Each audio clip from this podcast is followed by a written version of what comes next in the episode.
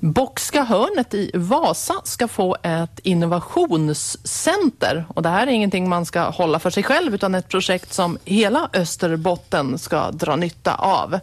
Och Kat Enqvist har begett sig dit och träffar initiativtagaren bakom det här innovationscentret.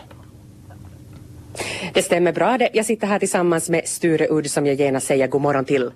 God morgon. Själva, ja. Vi skulle eh, vara ute på plats och se på eh, det här själva bygget som har fått sin start nu. Grunden har blivit som sagt lagd men nu är det sånt väder så vi kan inte vara där ute, det regnar.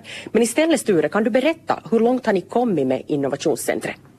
Eh, nu är det ju så med sådana innovationscenter att, att en byggnad så löser ju inga innovationer. Det, det är tvärtom, att bygga någonting är ju jättefel. Därför att det, det, det, det är inte väggar och tak och fönster som är viktiga. Men naturligtvis, om vi tittar på globalt händelseutvecklingen så tror jag alla börjar inse att innovationer i framtiden är liksom ett måste. Um, och på det sättet har vi väl kommit jättelångt och vi har bestämt oss för att vi måste hänga med. Mm -hmm. Så att mentalt är vi ju jättelångt. att man måste hänga med i den här äh, globala utvecklingen. För problemet är ju att vi traditionellt har klarat oss bra i Österbotten med, med sådana här ska säga, smarta eh, förbättringar och innovationer på det sättet att vi har gjort lite bättre än andra. Och, och nu är ju hotet uppenbart både från Kina, Indien, eh, alla andra länder i världen som håller på att utvecklas. Att, att det kommer liksom jätteduktiga, smarta typer därifrån också. Så att, eh, att ska jag säga, beslutet att, att tänka i den här riktningen så kom just för flera år sedan och jag förstod ju att det kommer att bli jättetungt och jättebesvärligt för det finns inte liksom någon modell hur det här ska göras. Eh, jag tror vi har kommit så långt, fast som sagt grunden är gjuten enbart grunden, men vi har kommit mentalt så pass långt att vi börjar se, se några strukturer för det. Mm. Hur det ska jobba, jobbas där, vad är det vi ska kunna åstadkomma där och man kan säga att jo, i sämsta fall blir det åtminstone bara ett lyft för Österbotten men hoppet ligger för hela Finland. Det som du hittills har avslöjat Sture är att eh, innovationscentret ska bland annat bli ett centrum för nya digitala lösningar. Vad innebär det? Uh, ja, det här uh, digitalisering är ett modeord, uh, ett ny, en ny religion, men bakom den här så döljer faktiskt sig en enorm både automatiseringsvåg av sånt som vi tidigare aldrig har automatiserat. Till exempel borde politikerna digitaliseras. Det skulle göra antagligen väldigt snabbare och bättre beslutsfattande. Hur skulle det se ut? ja, det, det, skulle inte synas. Det är inte fysiskt någon Nej. politiker utan eh, hanteringen av information ska, ska, ska det här eh, via digitaliseringens olika knep och, och metoder bli intelligent och, och ge smartare lösningar utan att du behöver ha någon som taktikerar däremellan. Alltså, jag tror det här inte helt på skämt men naturligtvis är det för att lite väcka liksom tankarna om hur långt digitaliseringen kommer att gå. Det kommer att förändra hela politiska livet, det kommer att förändra hela affärslivet. Du behöver inte VD och chefer i framtiden eller du ska åtminstone tänka så att du inte behöver dem.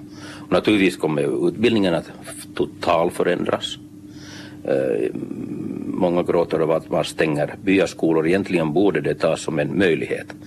Man borde tänka sig att, att i byarna skulle ungarna sätta en eller två dagar hemma hos någon.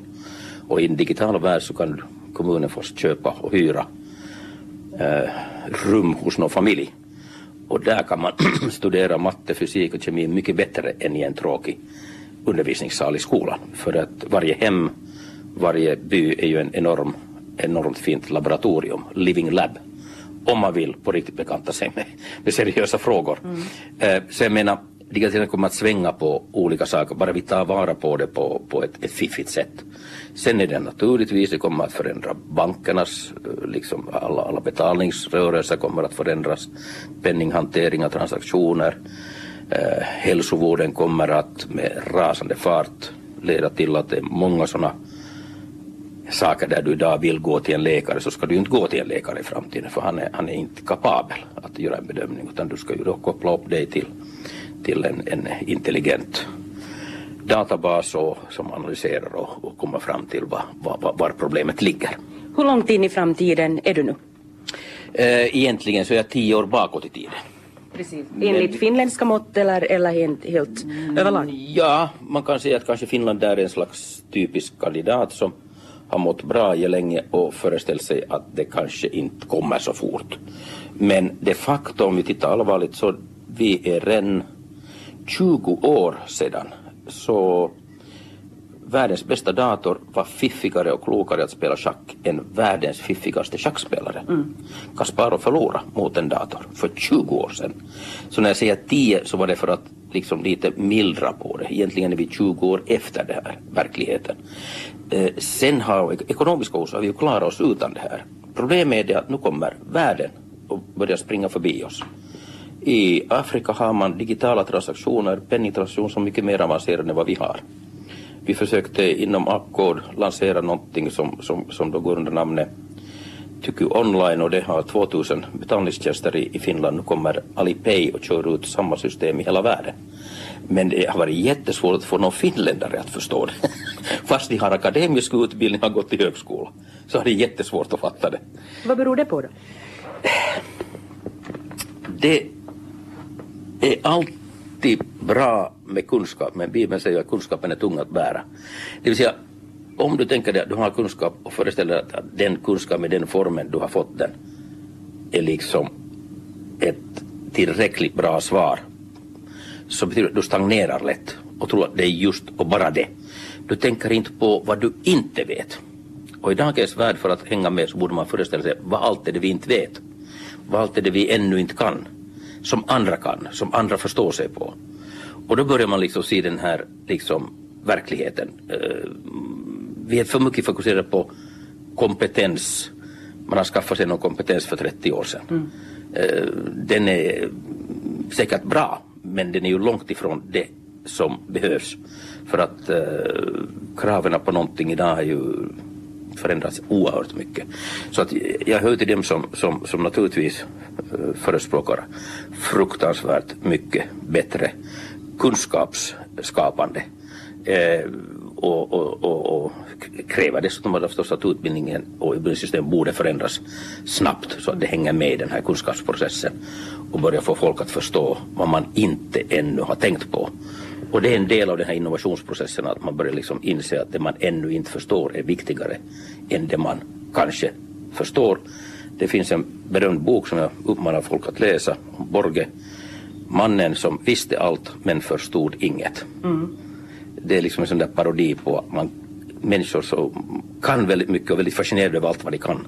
Men har de förstått vad det är, hur saker och ting hänger ihop en helt annan sak. Mm. Och det är kravet på att förstå ekosystem idag, inte bara enskilda bolags framgång, utan bildas det ekosystem som fungerar, fungerar samhälle.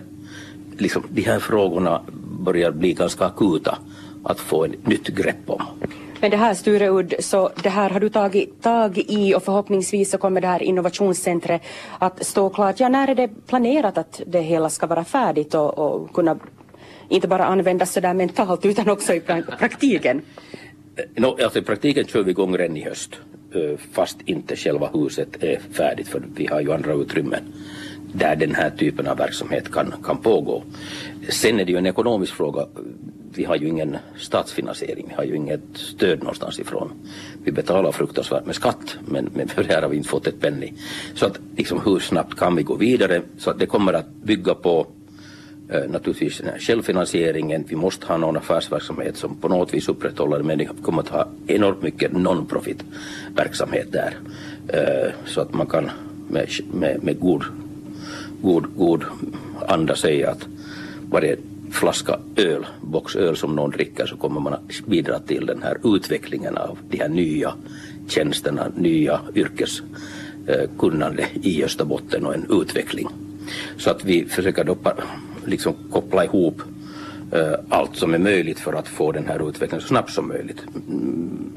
Jag tror ju själv att, att vi har ett hyfsat stort intresse bland, bland, bland företagsvärlden att, att liksom titta på men eh, kommer nog inte säkert att vara liksom affärsmässigt en, en tillräckligt stor, stor, stor liksom bas att stå på. Men vi kommer för det, för det skulle i alla fall att satsa också på den här så att säga non-profit verksamheten i form av samarbete med många föreningar, organisationer, strukturer, universitet och så vidare. Tack ska du ha Sture Udd, initiativtagare till ett innovationscenter vid Bockska hörnet i Vasa. Lycka till!